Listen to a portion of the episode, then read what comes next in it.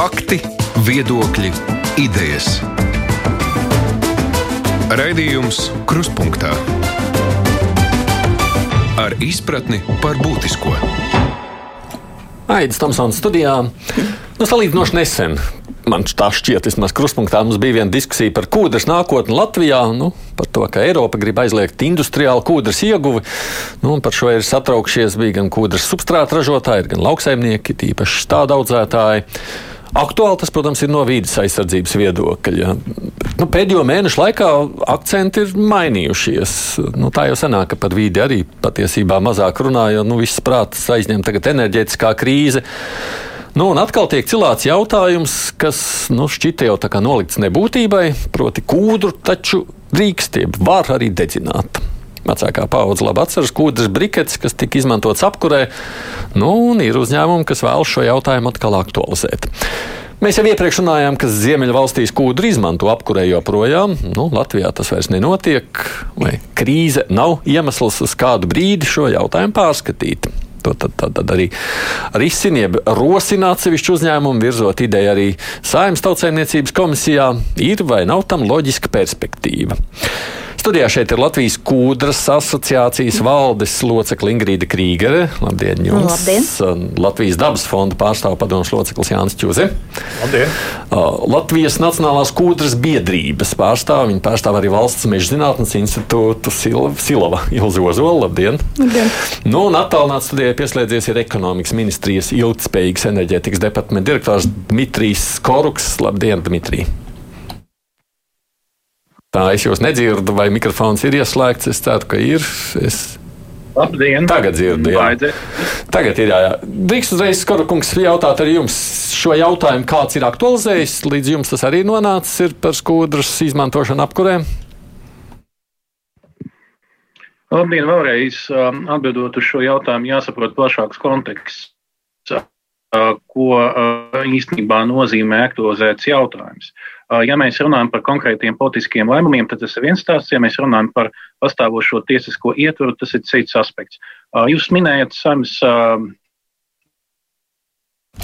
tautsāmniecības komisijā izskanējošos viedokļus, arī notikušo diskusiju, tad šajā formātā bija piedalījusies arī ekonomikas ministrija un um, artikulējusi savu pozīciju un viedokli, kas izriet no spēkā esošiem Eiropas Savienības līmeņa normatīviem aktiem, kā arī, protams, nacionālas likumdošanas skatu.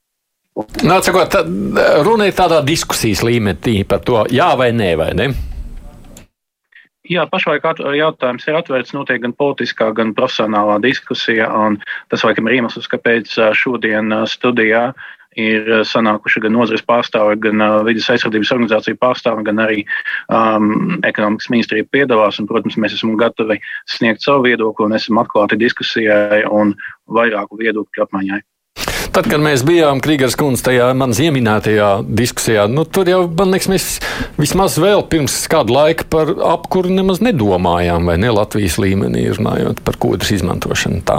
Ja runā par kūdru un apkuri, tad, protams, pašlaik no 2003. gada mēs uh, ļoti maz izmantojam kūdru vispār enerģētikā. No 2003. gada. No 2003. 20 gadi, jā. gada, 20 gadus, jo tāpēc, ka 2003. gadā tika rekonstruēts teica viens, kurš līdz šim kurināja tikai kūdru līdz tam laikam, bet mm. pēc tam viņš tika pārveidots par gāzes kurināšanas iekārtu. Un, lūk, un pēc tam, protams, kūdra savu lomu enerģētikā strauji zaudēja.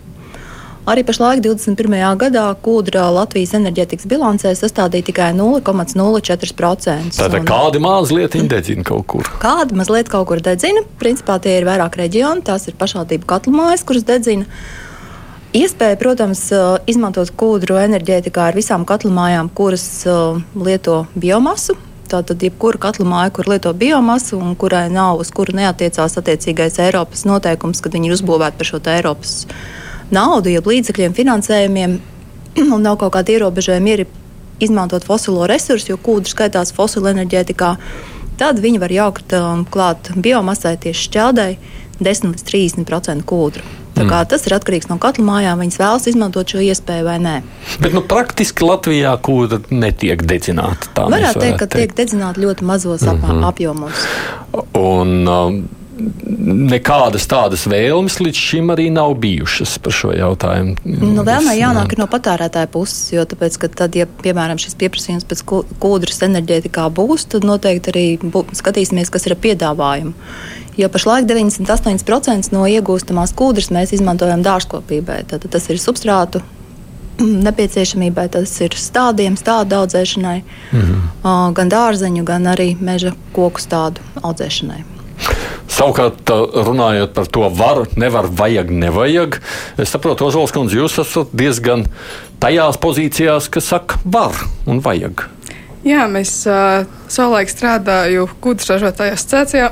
tad, kad viņi bija ražotāja asociācija. Mm -hmm. Un uh, 13. un 14. gadā mēs uh, asociācijā pievērsāmies tieši kurināmās kūdras jautājumu aktualizēšanai. Uh, tieši uzsverot to, ka tas veicinātu enerģētisko neatkarību un samazinātu nu, cenas, ja, uh, apkurss cenas.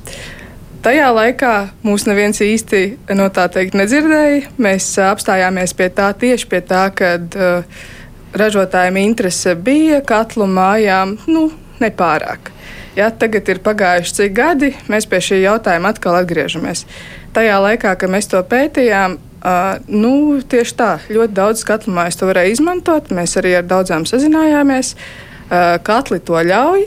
Nu, it kā viss kārtībā, viss forši, tikai nu, vienkārši jā, tieši tā, pie intereses trūkuma. Nu, bet interesi jau visu nosaka, nu, nezinu, nauda, cena, iespējas, piedāvājums. Nu, tieši tā, tā, šobrīd uh, visas diskusijas, kas ir bijušas, ir bijušas līdz uh, šī gada attiecīgajiem notikumiem februārī. Ja, un, uh, ja mēs tajā laikā jau būtu šo jautājumu turpinājuši, attīstījuši, uh, ņēmuši vērā savu kaimiņu, iespējams, mēs būtu jau gatavāki šai ziemai, nākamajai ziemai, un mums būtu gan resursi, gan arī zemākas cenas. Jūs sakāt, ka kūdra ir lēts un pieejams Latvijā apkurs. Jā, Jā, jo šobrīd uh, Sigabala kūdra uh, viena tonna maksā aptuveni 70 eiro. No šīs tonnas var iegūt aptuveni 3 MWh. Nu, Rēķiniet, tas ir 20 līdz 30 eiro par MWh. No granulām tas ir aptuveni 100, no šķeldes 50 eiro, no gāzes nu, vismaz 200 un no elektrības kaut kā 400 eiro. Ja, tā kā, uh, rēķiniet paši. No vidas viedokļa savukārt skatoties, vai ne, Čuzs kungs, man liekas, vidas aktīvisti jau pat pret tādu audzētājiem bija sakot, nevajag vispār lietot pūrus kā uh, enerģetiskos avotus. Jā, nu, viennozīmīgi, jo mēs šobrīd dzīvojam klimata krīzē. Tas uh, nevienam droši vien nav jaunums, un uh, gan Latvijas, gan arī kopējā Eiropas politika un arī globālā politika enerģētikā šobrīd ir. Uh, virzīt uz to, lai iet projām no netīrās enerģētikas, kas ir galvenokārt fosīlie kurināmie. Un ir labi zināms, ka kūdra ir viens no netīrajiem enerģijas avotiem. Proti, emisijas, kas radās no kūdras, ir līdzvērtīgas un pat nedaudz lielākas kā no akmeņogliem. Un uh, šī enerģētikas krīze beigsies, tāpat kā ir beigušās arī iepriekšējās krīzes, uh, bet klimata krīze paliks. Un līdz ar to es domāju, ka ir ļoti netālredzīgi šajā gadījumā ķerties pie kūdas kā pie salmiņa šajā konkrētajā situācijā. Nu, Stāsts, kā ziniet, vienmēr ir par jautājumu uz pārdiņu pagaidu. Nu, krīze ir krīze. Kamēr krīze, tikmēr var būt dedzinām, beigsies krīze, nu, tad beigsim. Jā, nu, tas droši vien ir jautājums politiķiem un jautājums arī ekonomistiem, cik izdevīgi ir pārkārtot energosistēmu, izmantot uh, kūdru kā kurināmo, zinot to, ka tas būs ļoti īslaicīgs risinājums. Jo ir pilnīgi viennozīmīgi skaidrs, ka ilgtermiņā kūdru kā uh, kurināmo resursu mēs izmantot nedrīkstēsim. Mm -hmm. Cik vispār ekonomikas ministrijā šis jautājums tiek nopietni skatīts vai vispār izvērtēts kūdra kā alternatīva? Pagaidām krīzes laikā, bet alternatīva. Ekonomikas ministrijas pozīcija šajā jautājumā, kā arī virkni citu saistīto jomu jautājumos, ir bijusi diezgan konsekventa. Ministrijas nostāja izriet no tā saucamās OSFR, ja ļaujiet darīt pieejai, pieejas. Tas nozīmē, ka katrā gadījumā, ja nepastāv tiesisko aktos noteiktais liegums veikt noteiktu veidu darbības vai iesaistīties konkrētajās aktivitātēs, tad šādu liegumu trūkuma gadījumā attiecīgās aktivitātes vai darbības ir legitīvas un legālas. Ja tirgus apstākļos noteikta veida komercdarbības paveids ir uzskatāms par biznesa case, kurš tiešām varētu ģenerēt konkrētam komersantam vai komersanta grupām pietiekamu, viņu skatījumā, pietiekamu peļņas līmeni, tad atkal pakāpstošos lieguma nepastāvēšanas gadījumos šīs aktivitātes mm, varētu tikt uzskatīts par Mums ir diezgan slikti sakari. Vai es pareizi saprotu? Vai es pareizi saprotu? Vienkārši diezgan slikti interneta sakari, tāpēc es ne visu līdz galam saprotu. Pareizi jūs tātad sakāt tā, ka šobrīd Latvijā, ja kāds grib, lai kurina, apmēram tā noteiktās apjomos. Ļoti vienkāršojot diskursu, tāda varētu būt artikulācija. Es vēlētos nedaudz plašāk pastāstīt, kādā veidā situācija attīstījās. Bet vai mani pašā Nu, šobrīd mēs jūs kaut ko dzirdam no jūsu teiktā un kaut ko nedzirdam no jūsu teiktā. Uzreiz saku, tā kā ir. Kurš zina to vēsturi? Nu, kā, kā pašreiz, kādi pašreiz jāatrod? Nu, drīkst, jā, kā tas ir. Jā, saka, protams, kūdru izmantot enerģētikā nav aizliegts. No 21. gada 1. janvāra tika atcelts tātad, atvieglojums dabas resursu nodoklim, bet no 21. gada tātad 1. janvāra mums ir jāmaksā dabas resursu nodoklis par CO2. Un katlu mājām virs 20 megavatiem tad ir jāmaksā, jāpērk šīs emisiju kvotas. Mhm. Un tas arī ir viss. Ja, protams, attiecīgais um, iekārtas operators uh, saprot to, ka viņam ir izdevīgi izmantot šo resursu, resursu neatrodas tālu no kurināšanas vietas, no izmantošanas, tieši sadedzināšanas, tad, protams, viņš viņu var izmantot, un tas ir arī ekonomiski pamatoti.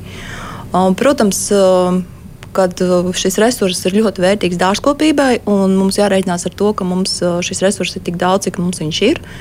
Uh, nav tā, ka mēs pilnīgi visu kūdru varam izmantot enerģētikā. Jo tāpēc, ka enerģētikā mēs varam izmantot tumšo, labāk sadalījušos kūdru, kurai arī ir lielāka šī siltumietilpība, kura ir piemērota dedzināšanai. Un tad, protams, daļa no šī resursa var novirzīt enerģetikai, ja tāda nepieciešamība ir. Protams, arī asociācija, mūsu biedri, mēs pārstāvam 75% no kūdras ieguvējiem. Tad mūsu biedri ir gatavi krīzes gadījumā, ja ir nepieciešams un cilvēkiem tiešām ir nepieciešams siltums, enerģija. Tad mēs esam gatavi piegādāt kūdru, bet tikai jārēķinās ar to, ka kūdru iegūst, iegūst sezonāli. Sezona ir no māja līdz septembrim, un laicīgi ir jāsagatavojas tam, lai varētu šo kūdru mm -hmm. tieši iegūt un sagatavot. Šai ziemai mēs tur neko vairs nevarētu izdarīt. Ja par vēlu ir tas resurs, kas ir iegūts, tas arī ir, un vairāk viņa nav. Ko tad tur vajag aktualizēt, ja jau visi var, kas grib tie dara un viss, vai ne? Uh, tieši tā, uh, un pa lielam es teiktu, ka uh, to noteiks cena ja, kurināmā cena. Un, ja kūdra būs izdevīgāk izmantot dārzkopībā, viņa aizies dārzkopībā. Bet, ja tā kurināmā cena ir, ir, ir nu, augsts, iespējams, ka tas būs arī izdevīgi viņu izmantot. Tas, kas noteikti ir jāņem vērā, gan atbildot uz Čuzas kungu šo iebildi par klimatu, es teiktu, ka. Um, nu, nevarētu arī teikt, ka tas uh, klimatam kaitē. Jo netīrie kurināmie, nu, atkritumi arī ir netīrs kurināmais, ja? bet uh, tur ir attiecīgi ir tehnoloģijas, kas novērš šo netīro kurināmo izmešus. Un uh, atšķirībā no oglēm, ko mēs, uh, nu, slānis ir tik liels, cik ir liels, ja? kūdras slānis tomēr katru gadu aug. Un, uh, nu, jūsu pašu kolēģi, ejot purvā, stāsta, ka purvs ir kā mīkla. Viņš ceļās uz augšu, briest, ja? un kas tur īsti briest? Tā ir tā kūdra, kas tur uzkrājās. Tā kā, nu, mūsu, mēs veicām ar kolēģiem pētījumu teču purvā. Un, nu, tur mēs konstatējam, ka katru gadu 4 mm mums uzkrājās kūdras. Katru gadu konkrēti teišu puru gadījumā. Tas ir atjaunojamais resurss, jūs viņu saukt par atjaunojumu resursu? Es viņu sauktu par atjaunojamo resursu. Protams, mūs šobrīd nosaka, kas ir atjaunojamais energoresurss, ja? bet nejauksim lietas. Šis ir atjaunojams resurss, atjaunojama izaiviela, kas katru gadu mums purvos uzkrājās. Ja vien būs uh, ūdens līmenis, uh, purvā kūdra uzkrāsies. Un mums, kūdru, mums purvu ir daudz. Nu, neļausiet samalot, 10% no Latvijas klāja kūdras atradnes, puru, konkrēti augsto puru, kur kūdra krājās, ir mazāk. Zemo purvu skaits mums īsti šobrīd nav zināms, kur krājas kurināmā kūdra, ja, kur, kur veidojās šī zemā tipa melnā kūdra.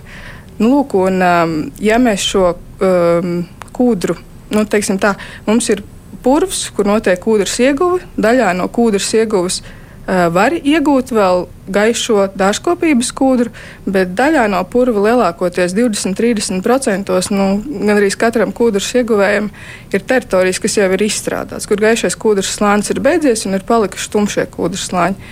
Jā, protams, mēs varam iegūt dārzkopības kūdrai šo kūdru, bet lielā daļā arī neiegūst šo kūdru šajos laukos. Un viņi stāv atsekti, turpina emitēt oglekli.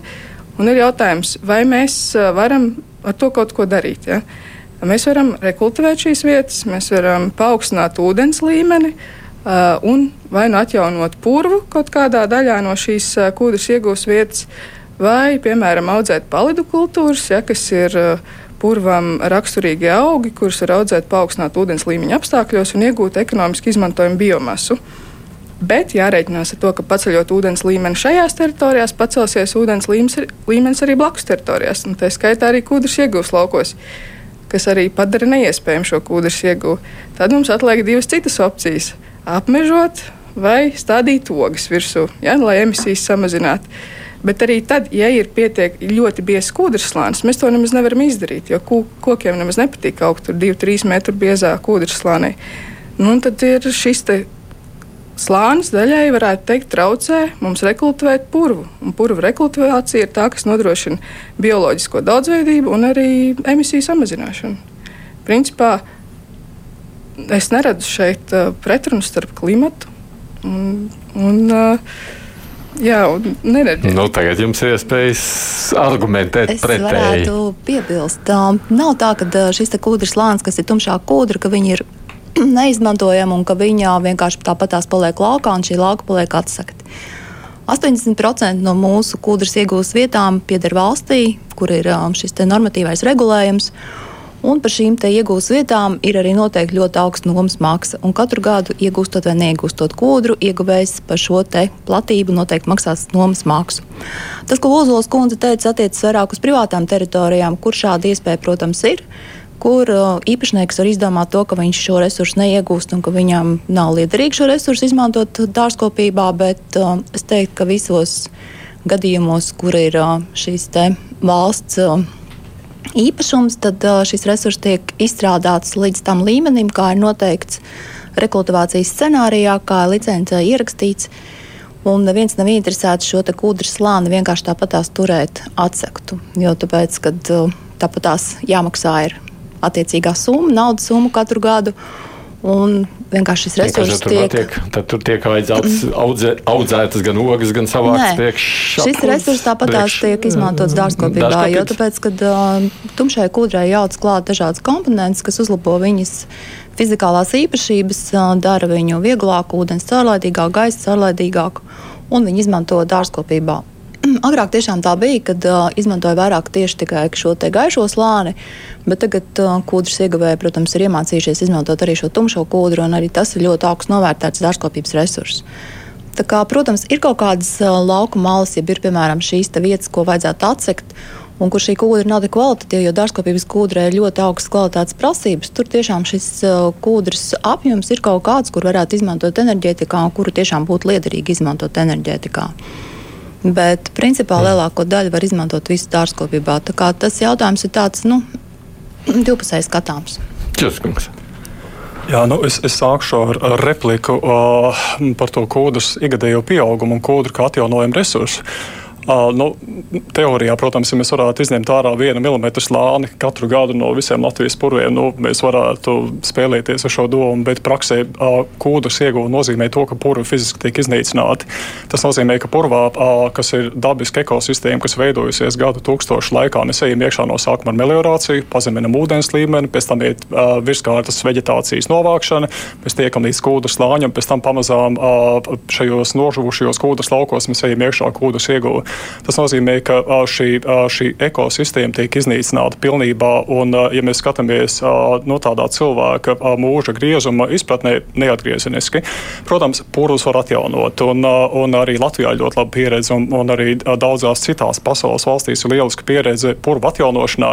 Mēs zinām to, ka šie degradētie kūdeslauki ir atjaunojami un ir ļoti solīdas zinātniskas publikācijas, kas iesaka skatīties tieši uz purvu renaturalizāciju, šo degradēto purvu atjaunošanu kā uz līdzekli, kā mazināt klimata pārmaiņas. Un nav arī gluži tā, ka ar kūdru visā pasaulē būtu skaisti, kā ar iegūstam resursu, jo ir zināms, ka pasaulē kūdras apjoms samazinās katru gadu aptuveni par 20 kubikkilometriem. Un, lai arī kūdras purvi aizņem aptuveni tikai 3% no pasaules teritorijas, šajos purvos ir uzkrāts vairāk oglekļa nekā visos pasaules mežos kopā ņemot. Respektīvi, vairāk oglekļa ir tikai okeānos. Un tieši šī iemesla dēļ pasaules zinātnieki un arī politiķi šobrīd uz purviem skatās kā uz primāro vietu, ar kuras privām, primāro ekosistēmu, ar kuras palīdzību risināt klimata pārmaiņu problēmas. Un, uh, ir arī ļoti labi pētījumi, kas parāda to, kā šīs uh, purvu uh, atjaunošanas darbības palīdz šo siltumnīcas emisiju gāzu piesaistē, oglekļa piesaistē. Un ir zināms, ka varbūt īsu laiku pēc purva atjaunošanas tur ir problēmas ar metāna izdalīšanos, bet rēķinot to ilgtermiņā, tik un tā šo degradēto kūdas lauku neatjaunošana no klimata viedokļa maksā dārgāk nekā atjaunošana un šādas īslaicīgas izmaksas, kas rodās metāna emisiju rezultātā. Respektīvi, tas kopējais zinātniskais konsensus ir tāds, ka degradētie kūdas lauki ir jāatjauno. Mēs zinām to, ka Latvijā purvi ir sliktā aizsardzības stāvoklī gan dabiski augstie purvi, gan arī tāda īpaša dzīvotne, kas saucās degradēti augstie purvi, kuros ir iespējama dabiska atjaunošanās. Arī tie ir sliktā aizsardzības stāvoklī un tā vietā, lai domātu, kā mēs šos purvus izstrādāsim un gūsim no tiem ekonomisku labumu. Mums vajadzētu domāt tieši pretējā virzienā, gan balstoties uz arī Eiropas direktīvu prasībām, kas mums prasa atjaunot bioloģiskā daudzveidību, atjaunot degradētās ekosistēmas, arī domājot par klimata mēķiem. Tas ir ļoti vienkāršs veids, kā to risināt, jo ir jāsaprot, ka absolūti labākais, ko var darīt ar oglekli, kas ir ieslēgts kūdrā, ir ļaut tam palikt purvā. Jo šie, šie kūdu slāņi ir veidojušies gadu tūkstošu laikā, un tajā brīdī, kad mēs tos burtiski dažu desmitu gadu laikā izņemam no turienes ārā un palaidām apritē, protams, ka tas maksā. Tas maksā ne tikai no dabas daudzveidības viedokļa, bet tas maksā arī no klimata pārmaiņu viedokļa. Bet, nu, tā skatot, vispirms droši vien, lai klausītājiem, man liekas, vispār ievies skaidrību, tā kā es tādu klausos jūs tajos viedokļos. Tā tad, ja Ozols kundze saka, ka viņa redz, ka kūdru var un vajag izmantot, nu, tad asociācija ir tāda, nu, nu tā, tā neredz liela jēga šobrīd no tās izmantošanas, bet, nu, kas un kūdru izmantot, dabas cilvēki vispār pret pūru izmantošanu, kūdras lietošanu kā tādu un ekonomikas ministriju. Nu, nu, kā ir tā, ir apmēram jā, pašreizie noteikumi pie tiem turās. To, ka kūdras asociācija redz to, ka uh, kūdra ir ļoti augstvērtīgs dārzkopības resurss. Un viņš principā ir neaizstājams pagaidām, jo tāpēc, nav atrasts alternatīvas. Proti, jums būtu žēl viņu izlietot apkurē. Mums ir žēl viņu izlietot apkurē, bet tāpat laikā, ja šāds pieprasījums ir un ja tāda nepieciešamība ir, tad, protams, tas ir loģiski, ka viņš ir jāizmanto apkurē, jo tāpēc, ka, nu, kas ir labāk, vai ka cilvēki salst un kad uh, vienkārši nav iespējams samaksāt, vai to, ka tiešām Latvija ir nodrošināta ener energoresursu. Un tas ir mūsu vietējais energoresurss, kas ir nodrošināt arī šo drošību. Tad, protams, viņš ir jāizmanto. Bet, ja nav šī krīzes situācija, tad, protams, mēs to redzam primāri kā dārzkopības resursu. Nu jā, bet ja mēs tīri, te jau tika, jā, sakiet, pagaidiet, ekonomikas ministrija iejaucās. Hm? Es jūs nedzirdu atkal, jo es redzu, ka jūs runājat, bet es jūs nedzirdu. Mēģiniet vēlreiz. Šodien neiet ar tehnisko pusi. Tas, ko es mēģināju artikulēt, ka, protams, ekonomikas ministrijas pozīcija ir daudz profesionālāka nekā ļaut šim jautājumam būt palaistam pašplūsmā. Kā jau mēģināju stāstīt, esošā pozīcija izriet no piekritības tirgus darbības principiem. Ja tirgus, ņemot vērā gan emisijas kvotu cenu komponentu, ietekmi, gan kopējo kūdras izcenojumu esošos tirgus procesu ietvaros, tātad, ja ir redzama šī iespēja tirgumu izmantot kūdru, ekonomikas ministrija noteikti neuzšķēršus uh, šādai darbībai. Ja tur pētī tirgumu nav iespējas vulgāri izsakoties, sagremot noteiktu kudras apjomu un to izmantot kā atjaunīgo, jeb neatjaunīgo, kas, protams, iziet normatīvi aktiem kā neatjaunīgo energoresursu, tad šāda iespēja visdrīzāk faktiski arī nepastāv. Okay. Atgādinot tikai tiem, kas šobrīd varbūt vēlāk pieslēgušies, mums caur Zoom ir pieslēdzies no ekonomikas ministrijas Dmitrijs Skoruks, nu, šeit ir no Kūdras asociācijas Ingrīda Krīgera, no Kūdras biedrības un Silo pārstāv Ilza Ozola un no Dabas fonda Jānis Čūza. Raidījums Krustpunktā.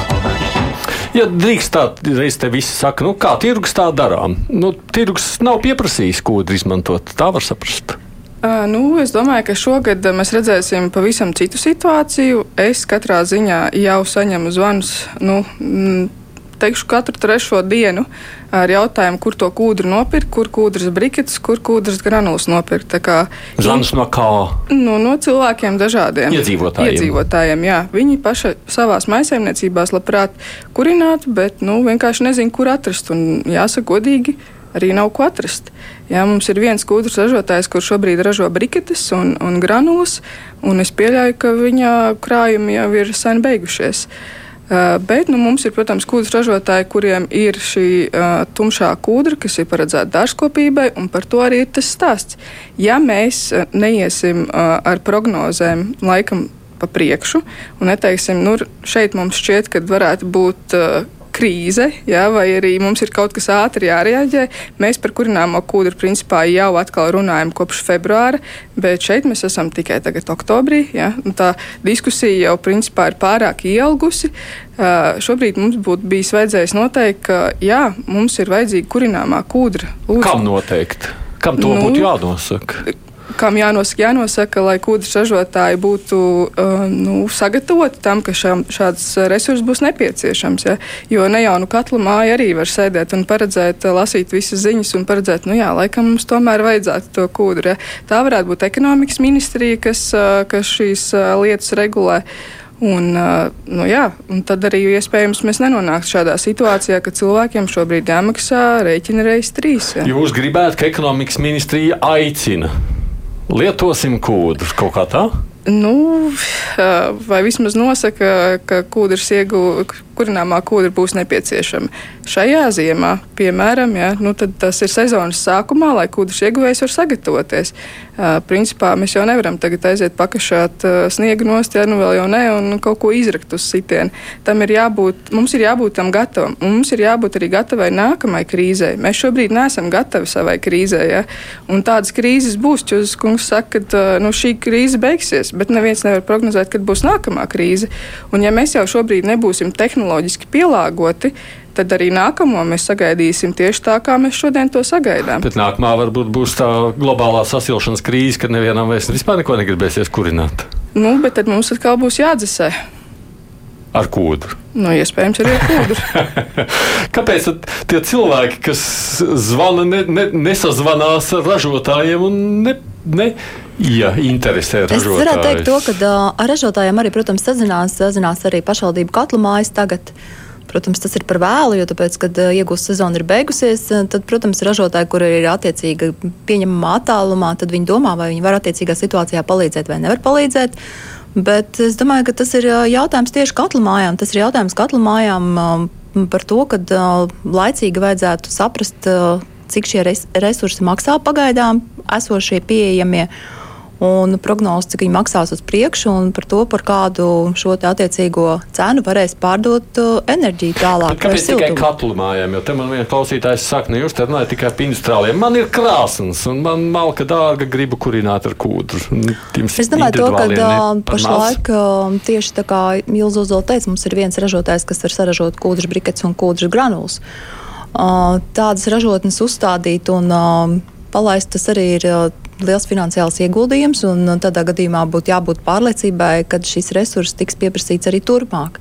Šādas pārliecības pagaidām nav. Mums arī Latvijā ir pieņemts Latvijas kūdras uh, ilgspējas pamatnostādnes līdz 30 gadam, kur uh, ir konkrēti noteikts, ka uh, ir pieejamais resurss pieejamā, tajā, tādā apjomā, kā pašlaik ir pieejams, un arī tī, tās platības, kur iegūst kūdri, tādā pat um, platībā saglabājums līdz 30 gadam. Tā kā principā nozara nav paliel, plānojusi, un arī mūsu dokumentos nav plānots šis te. Nu, kūdras iegūs apjoma palielinājums.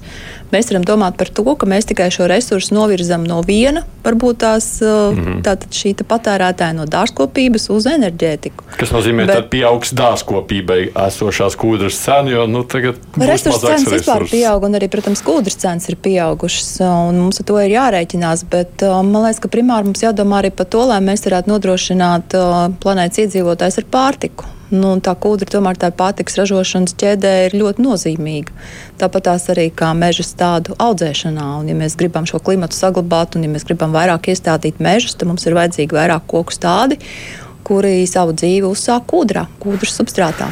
Lai mēs precizētu, tikai es pie vidas arī vēl tūlīt pievērsīšos, lai varētu sākt ražot, pieņemsim, tie, kas līdz šim ražoja tikai un vienīgi stādiem, jeb lauksaimniecībai kūdru, lai tie sāktu ražot arī enerģētikas vajadzībām. Tas būtu būtisks investīcijas. Ja mēs domājam par briketēm un par granulām, jā, protams, tad tās ir investīcijas. Ja mēs runājam par frēzku, kūdru, kuru var jaukt klāt šī, baramo, šeit, no baramo, jā, baramo kūdru. Tādā kūdru. gadījumā nevajag nekādas īpašas investīcijas. Tur, protams, ir mazliet citi šie kūdras savācēji nekā vieglajai frēzkūdrē, bet tie, kuri iegūst pašlaik jau šo tumšo kūdru ar tām pašām tehnikas vienībām, varētu arī iegūt un attiecīgi šo kūdru novirzīt. Savukārt no otras puses, no tāda patērētāja viedokļa skatoties, ja, ja mums ir krāsnes, tad es tur nevaru iebērt vienkārši iekšā. Nē, tā vienkārši nevarēs iebērt kūdru un dedzināt varētu sīgabalu kūdru, kur savukārt ir vajadzīga nu, papildus teiksim, investīcija. Un te kūdras ieguvēji no Somijas stāstīja savu pieredzi, ka viņi pateicoties zaļajam kursam šīs sīgabalu kūdras ieguves iekārtas ir pārdevuši divus gadus atpakaļ, un šobrīd viņas uh, prasa atpakaļ, un īstenībā jau nav vairs ko nopirkt. Tā kā, nu, te, ir, te ir tas stāsts, ka mums ir jābūt gataviem. Tomēr nav tā, ka tas uh, uz knipi ir dabūjams. Nu, jā, kas nozīmē, ka viena vai otra puse investīcijas jo, paši par sevi būtu tajā jā, visā sadaļā. Sīgabala kūda ir tāda, ko var cilvēks ielikt krāsnī. Tas izstāsta kā tāda neliela pagalīte. Hmm. Skatoties savukārt no tāda emisiju viedokļa, tad mums prasa, bet no tās kūdras dedzināšanas vai no izmantošanas lauksaimniecībā, runājot par emisijām, tur ir liela atšķirība. Uh, Zināma atšķirība ir, jā, jo sadedzinot kūdru, nu, tas ieslēgtais ogleklis tas tiek palaists atmosfērā. Tajā brīdī, kad uh, kūdra tiek iestrādāta augsnē, nu, šis ogleklis var tikt piesaistīts augsnē, bet arī tur, protams, tas nav tik vienkārši, jo tajā brīdī, kad šī kūdra tiek atbrīvota, uh, jo purvā viņi ir ieslēgti anaerobā vidē, un tas ir iemesls, kāpēc viņi var saglabāties gadu tūkstošiem ilgi. Tajā brīdī, kad mēs šo purvu nosusinām, šajā kūdras slānī tiek iekšā skābeklis, sākās mikro mikrobioloģiskie procesi, šī kūdra tiek oksidēta, un tajā brīdī šis ogleklis atkal tiek atbrīvots un CO2 veidā tiek palaists gaisā. Un, protams, ka gan šīs kūdras iegūst laikā, gan pārvešanas laikā, gan arī šīs iestrādāšanas augsnē laikā nu, daļa no šī oglekļa atbrīvojas un aiziet, aiziet gaisā, bet tajā pašā laikā viena daļa tiek piesaistīta augsnē un tiek ieslēgta iekšā mm -hmm. augsnes procesos, tā ka tas nav gluži viens un tas pats. Tā kā no, tāda vides viedokļa, ja runājam par kaitējumu vidē, te jūs sakāt, enerģētikā tas būtu vēl bīstamāk nekā Viennozīmīgi. Tas, tas ir viss sliktākais, ko var izdarīt ar kūdru, bet, protams, arī šī izmantošana lauksaimniecībā, nu, tas ir tāds mazākais ļaunums, jo arī, arī kā jau es tikko teicu, šajā procesā ogleklis tiek atbrīvots, un kas ir pats galvenais pašā kūdras izstrādes procesā, tajā brīdī, kad šis purvs tiek susināts, iet iekšā visas mašīnas, notiek sagatavošanas darbi, pēc tam kūdras akšana, tas viss uh, rada ļoti daudz emisiju šis tehniskais process rada emisijas. Un, līdz ar to arī stāsti par to, ka jo īsāku laiku šie kūdras lauki ir sausi un stāv bez vegetācijas, jo labāk. Un tieši tāpēc, kā labākais veids, ko darīt ar šiem sausiem kūdras laukiem, pasaulē tiek ieteikta renaturalizācija, kas ir šo kūdras lauku samitrināšana un apstākļu radīšana, lai tur varētu atkal veidoties dabiskā purva vegetācija, kas prim, primāri nozīmē spagnu sūnas, kas ir tās sūnas, kuras augot audzēklā šo kūdu slānīti katru gadu. To, ko jūs ieties piebilst? Es tieši piekrītu. Viss, uh, tik tālu viss ir pareizi par to, ka ir jāatjauno tas. Uh, tas uh, laiks ir jāsaīsina, ka šie kūdras lauki ir atklāti, un par to arī ir tas stāsts. Jo mēs ātrāk uh, nonāksim līdz tam, brīdim, kad mēs varam purvu atjaunot, jo ātrāk mēs piesaistīsim emisijas. Un, ja mums ir stāvkūdrs slānis, kurš mums neļauj piekļūt ūdens līmenim, mēs arī nevaram neko atjaunot. Ja, līdz ar to purvi ir dažādi. Šobrīd eh, tas, ko Čuzis kungs saka, tāds vispārīgs frāzes, bet tad, kad mēs aizējām uz katru purvu atsevišķi, ne visur tas ir iespējams. Ja? Tā ir ļoti neliela daļa, kur bez nekādiem nu, ieguldījumiem tu vari pacelt ūdens līmeni. Un ja tev jāpaceļ ūdens līmenis par diviem metriem, pusotru metru, un tas tev izmaksā miljonu eiro, vai, ir, vai tās piesaistas ir tiešām nu, tā vērts, tā, to eiro vērts. Ja? Līdz ar to šeit ir jāizvērtē nu, šie abi aspekti. Ja, vai mēs piesaistīsim tikpat daudz, cik mēs būsim iztērējuši līdzekļus. Un tieši tā, neviens nesrīdās par to, ka nav jāatjauno. Es pats šobrīd strādāju pie pētījuma, kur meklēju klimata risinājumus tieši kūdras uzņēmējiem. Ja. Un Tieši par to ir stāsts. Ne visur tas ir iespējams. Ja mums ir jānoro kūdras slānis, lai tiktu ūdenim klāt un mēs varētu audzēt sūnas, nu, tad mēs to arī darīsim. Mēs ātrāk tiksim līdz tam, kad mums ir piesaistes veidojās. Un šie emitētāji kļūs par, par piesaistītājiem. Un viens būtisks fakts, ko mēs aizmirstam, skatoties uz visiem pasaules cipariem, kūdras iegūme šobrīd notiek 4% no visām kūdras atradnēm. Tie ir Krīgas kundzes varbūt var pateikt precīzi skaitli, cik tūkstošos hektāru 64. Nu, nē, vispār kopumā iegūmums notiek Jā. pašlaik licenču platības. Mums ir 25,000 hektāru un reālā iegūmums ir apmēram 15,000 hektāru. Un aizsardzībā mums šobrīd purvi. Aizsardzībā principā mums pašlaik ir 40% no un visiem purviem. Nu, tā kā mēs varam rēķināt, ja 10% no teritorijas nu. aizņem kūdrā, ja, tad. Uh, Principā 130 tūkstoši hektāru mums jau ir aizsardzībā no purviem. Un mēs šeit runājam par to, ka, nu, cik ļoti tā kūdras ieguva apdraud aizsargājumos purvus. Nē, Un mums vēl tādi purvi, kuros nav ne aizsardzība, ne kūdras ieguve. Bet šobrīd jau pat nav runa par to, ka varētu paplašināt, kā es sapratu no Krīgas kundzes, tos, to, to, to kūdras ieguvu, kas nozīmē runa jau tikai par esošām teritorijām. Vai jūs tomēr sakāt, ka varētu arī paplašināt? Nē, nē. Attiecībā uz kurināmo kūdru es domāju, ka paplašināšana nav nepieciešama šeit ir stāsts par to, ka tiešām ātrāk izstrādājam kūdras slāni un ātrāk rekrutējam, ātrāk tiekam pie oglekļa piesaistēm. Stāsts ir par šo. Hmm. Es arī gribēju teikt, to, ka mums principā Latvijā ir septiņi dažādi rekultivācijas veidi, un tas nav vienīgais kā purva atjaunošana, jo tāpēc mums ir jāskatās katrā vietā, ko vispār mēs varam attiecīgā purvā darīt. Jo, kā jau Ozols kundze minēja, situācija katrā purvā ir ļoti individuāla. Nu, kūdra un pūris tā ir, varētu teikt, dzīva būtne. Kur katra atšķirās ar uh, savām īpašībām, ar īpatnībām. Un, uh, nevar būt tā, ka mēs tagad ņemsim un visu simtprocentīgi apūdeņosim, jo vienkārši tas nebūs iespējams. Nevar būt tā, ka mēs visus apstādīsim ar kokiem. Tas arī nav iespējams. Nebūs visur mežs. Mums būs dažādi veidi. Mēs varam gan audzēt ogas, mēs varam iestādīt mežu, apmežot, mēs varam atjaunot pūru, mēs varam veidot ūdens tilpnes, kas atkal būs labas putniem un citai videi, kas ir nepieciešama. Mēs varam arī veidot uh, nu, arī, protams, pašlaik tās ir palidokultūras, kuras mēs varam stādīt. Jeb nu, tas var būt zālē vai kaut kas cits, kas mums arī nepieciešams.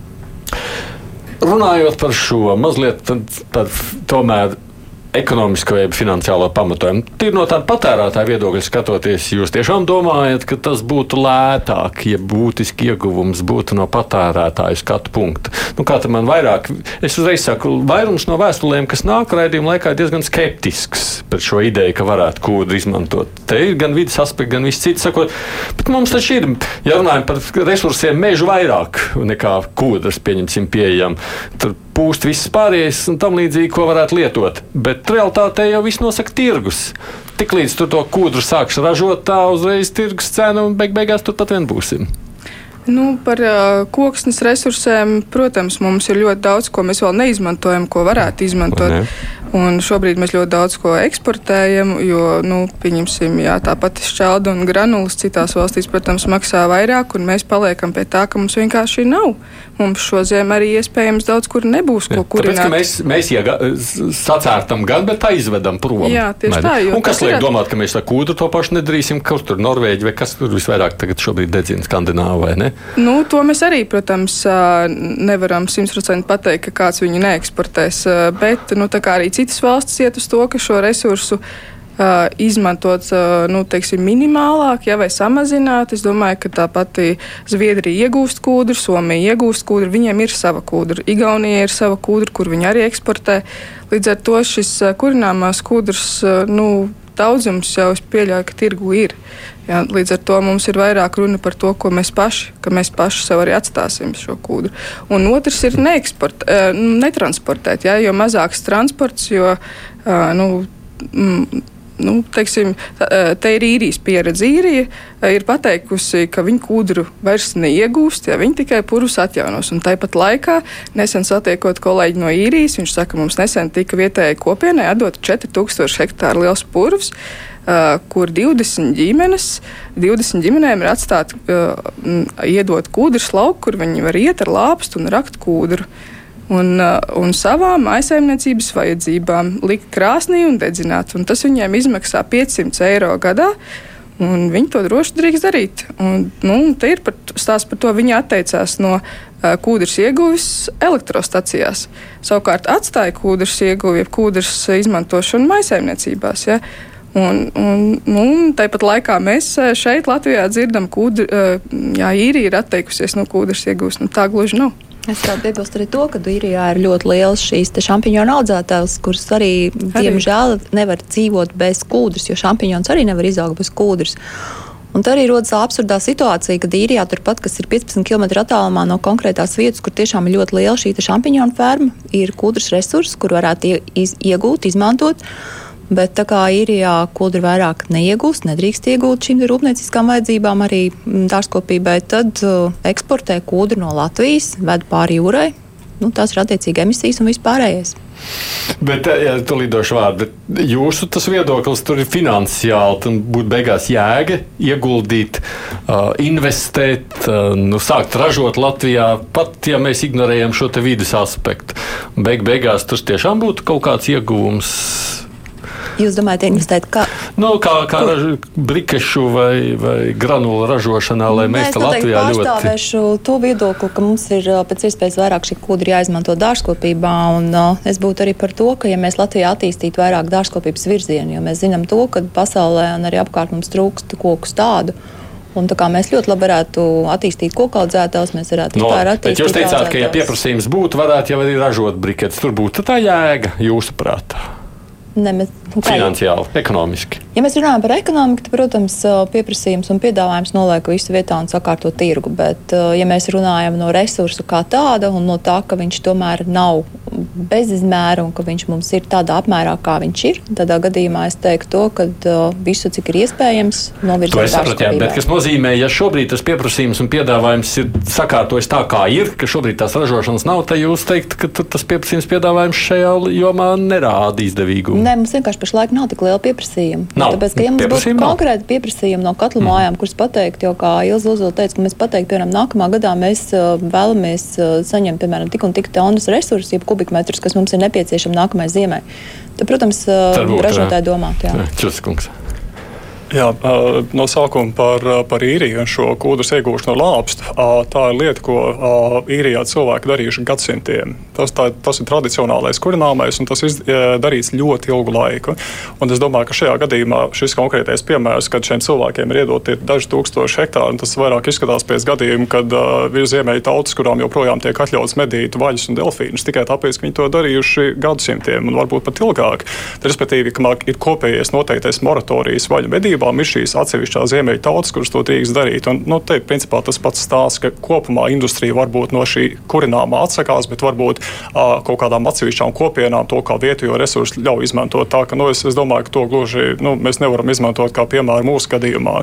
Un savukārt runājot par kūdas lauku atjaunošanu un, un to, ka nu, industrijas interesēs būtu šo kūdu izstrādāt līdz galam un tā ķerties pie atjaunošanas, kūdas laukus var atjaunot arī ļoti sarežģītās situācijās nav jāizrokās līdz gruntsvūdens līmenim. Var ļoti daudz ko panākt pareizi ar ģeoinženieriju, piestrādājot, paceļot ūdens līmeni, un Latvijā ir purvi atjaunot ļoti sarežģītās situācijās, kur ir veikta speciāls modelēšanas, domājot, kādā veidā to ūdeni noturēt iekšā. Tā kopējā virzība Eiropā šobrīd iet uz to, ka purvi tiek atjaunot, šīs degradētās mitrzemes tiek atjaunotas. Piemēram, īrijai tur pa blakus ir Skotija, kur ir īstermiņa plāns atjaunot purvus 50 tūkstošu hektāru platībā, bet ilgtermiņa plāns ir atjaunot 250 tūkstošu hektāru platībā. Un, protams, ka tas maksā naudu, bet, kā jau teicu, šīs klimata pārmaiņas, klimata krīze mums maksās nesalīdzinām vairāk. Tieši tāpēc šīs purvu oglekļa akumulēšanas iespējas, to atjaunošanas izmaksas noteikti tiek uzskatītas par samērīgām. Tā ir laba investīcija, lai cīnītos ar, ar klimata pārmaiņām.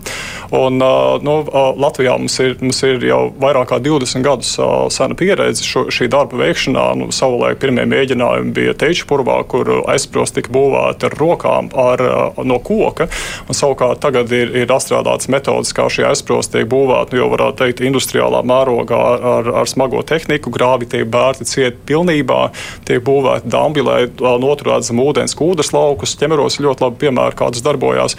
Tur nav jāizgudro nekas no jauna.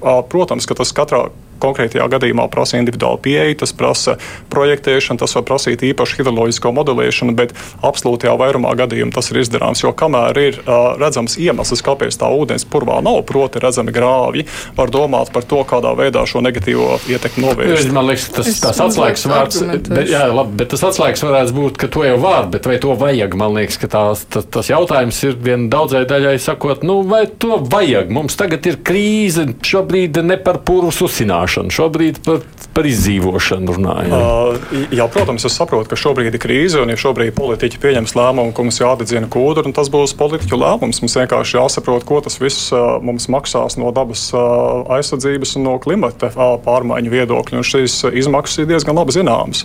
Un es vēlreiz gribētu atgriezties pie tā, ko es sākumā teicu, ka uh, raugoties no klimata viedokļa, absolūti labākais, ko mēs varam darīt ar kūdru, ir atstāt viņu tur, kur viņi ir. Tas ir precīzi tāpat kā ar oglēm un naftu labākais, ko darīt, ir atstāt to zemē. Protams, mēs izmantojam ogles un naftu, un mēs šobrīd izmantojam kūdru. Tas tā ir, tā ir šīs dienas realitāte, bet tas nemaina lietas būtību. Ilgtermiņā mums jādomā par to, kā mēs uh, mazāk traucējam purvus un uh, ļaujam šiem dabiskiem procesiem notikt. Jā, nu, visur visi meklē kaut kādu līdzsvaru, protams. Es uh, piekrītu par to, ka tā uh, kūdra mums ir brīnišķīgs veids, kā samazināt emisijas un ka šie purvi ir mitruma līmenis ir jāatjauno, ka tas ir sarežģītās situācijās arī tas ir iespējams.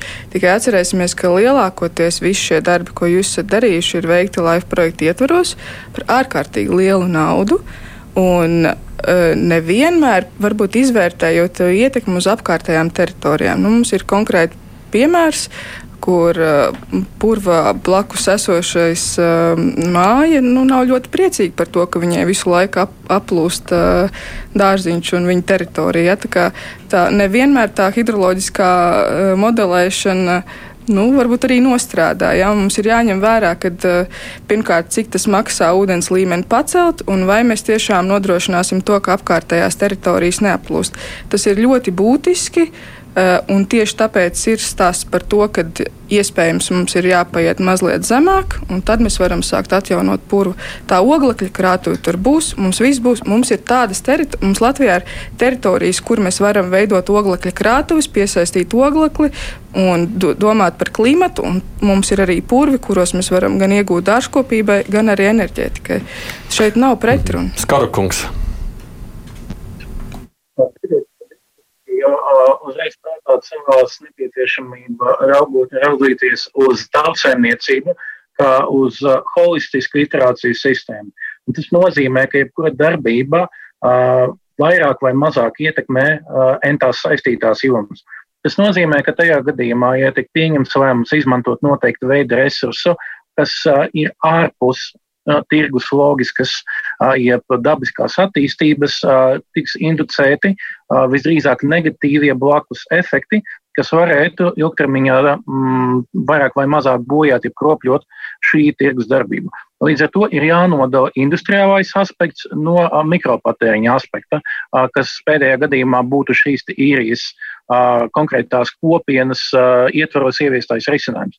Ja mēs runājam par industriālo līmeni, tad jāsaprot, ka visās iekārtās, kuru jaudas, uzstādītās jaudas pārsniedz 20 megavatus, ir piekritīgas emisiju tirzniecības sistēmas nosacījumiem.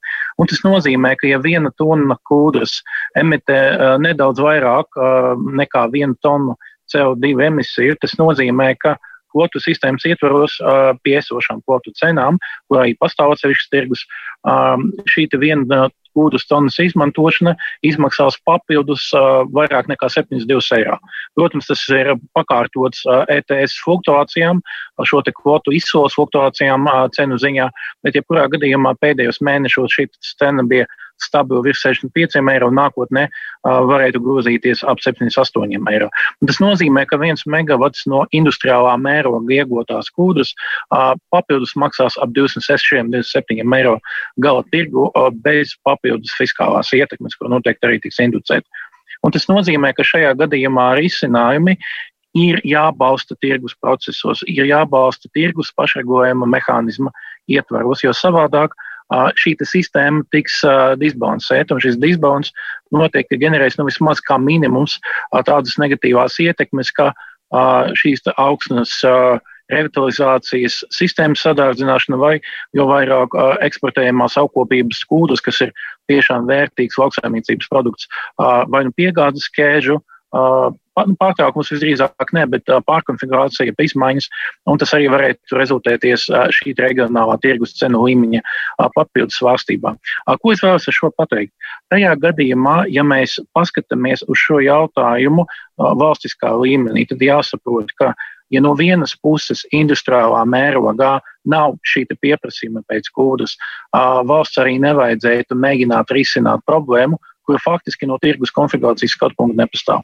No cita uh, skatu punkta, ja mēs redzam individuālā patēriņa vēlmi, ja individuālā patēriņa pieprasījuma apjoms, tad par šo var diskusē, diskutēt un ir jāsaprot, vai tirgus ir spējīgs piegādāt šiem dažiem akūtiem gadījumiem, kad pieprasījums faktiski pastāv. Rezumējot manis teikto, skatoties holistiski, protams, ka kūdra nav atjaunīgais energoresurss. Šo es vēlos atsevišķi izcelt. Atjaunīgais energoresurss mēs nerunājam pašlaik par citiem aspektiem. Līdz ar to tā izmantošana ilgtermiņā ir atvērta diskusija jautājums. Vai mēs varam izmantot šo kūdu šeit un tagad? Jā, protams, ja tirgus ir spējīgs nodrošināt attiecīgā resursa sadalas piegādes un izmantošanas mehānismu, jeb šo vien, vienkopus ķēdi pietiekami efektīvā līmenī. Ja tāda sistēma pastāv, problēma nav. Ja sistēma nepastāv, visdrīzāk tad uh, problēmas ir vai nu pieprasījuma, vai nu piedāvājuma pusē. Okay. Paldies. Man liekas, es mēģinot apkopot to visu, ko es no jums sapratu, klausoties. Tagad jums varat pielabot, ja man tikai pāris minūtes līdz redzējuma beigām. Ir apmēram tā. Šobrīd uh, drīzāk privātie interesē vai tie mazie interesējās par to, vai varētu kaut kur lietot, lai samazinātu savus rēķinus. Lieliem īsti man izklausās, ņemot vērā visām maksām par CO2 emisijām. Emisijām par emisijām jāmaksā ar katlu mājām virs 20 megavatiem. Jā, nu, tas tikai 70. Lielajām. Visi pārējie mums ir brīvi no emisiju kvotu pirkšanas. Nu jā, pieprasījums, piedāvājums viss atkarīgs. Tas jau kādā veidā tur tas pieprasījums, piedāvājums satiekās. Tas tādā gadījumā ir atkarīgs no ko mēs redzēsim, kā veidosies situācija nākamajā gadā. Ir skaidrs, ka par šo ziemu šā vai tā nebūtu. No vidas viedokļa ir saprotama vīzija nedarīt neko turvos, jo mazāk, jo labāk. Un galu galā taisnība jau ir, šī krīze beigsies. Un, uh, mēs jau redzam, kāda Eiropas attieksme ir, uh, mēģinot sargāt purvus. Šis ir stāsts tikai par kādiem nu, tādiem īstermiņa jautājumiem. Noteikti mēs nezinām, kad būs nākamā krīze un vai mēs viņai būsim gatavi. gatavi. Nu, to jau mēs neviens nezinām, bet nu, ir skaidrs, ka tā globālā sasilšana arī ir krīze, par ko mēs laikam šobrīd īsti nedomājam, bet nu, ar ko mēs itin drīz visi saskarsimies. Es jums saku paldies par dažādiem viedokļiem. Bija interesanti jūsos klausīties. Dmitrijs Skoroks, kas ir no ekonomikas ministrijas ilgspējīgās enerģētikas departamenta direktors, bija pieslēdzies mums attālināt. Jānis Čūs ir Latvijas dabas fondā padomas loceklis Ilza Ozola Nacionālās kūdras biedrībā un arī Valsts mežģinātnes institūtā Silava un Ingrīda Krīgere, Latvijas kūdras asociācijas valdes locekli. Paldies jums, ka atnācāt arī šeit uz raidījumu. Rīt mēs, starp citu, enerģētisko tēmu turpināsim, tāpēc, ka studijā būs Latvijas energo valdes priekšsēdētājs Mārtiņš Čakste. Nu, tā būs žurnālistiem un klausītājiem iespēja viņu izvaicāt. Nu, mēs vēl tiekamies arī ar raidījumā divas pušlodes šodien klausītājiem, kur runājam par starptautiskajām aktualitātēm. Tur ir stāsts par Ukrainas graudiem, eksportu, kas notiek tālāk ar šo, arī par Brazīlijas vēlēšanu rezultātiem runāsim par vēlēšanām Izrēlā, kas bija vakar. Producēja kruspunktā Evi Junām, studijā savukārt bija Vēs Aidis Tomsons.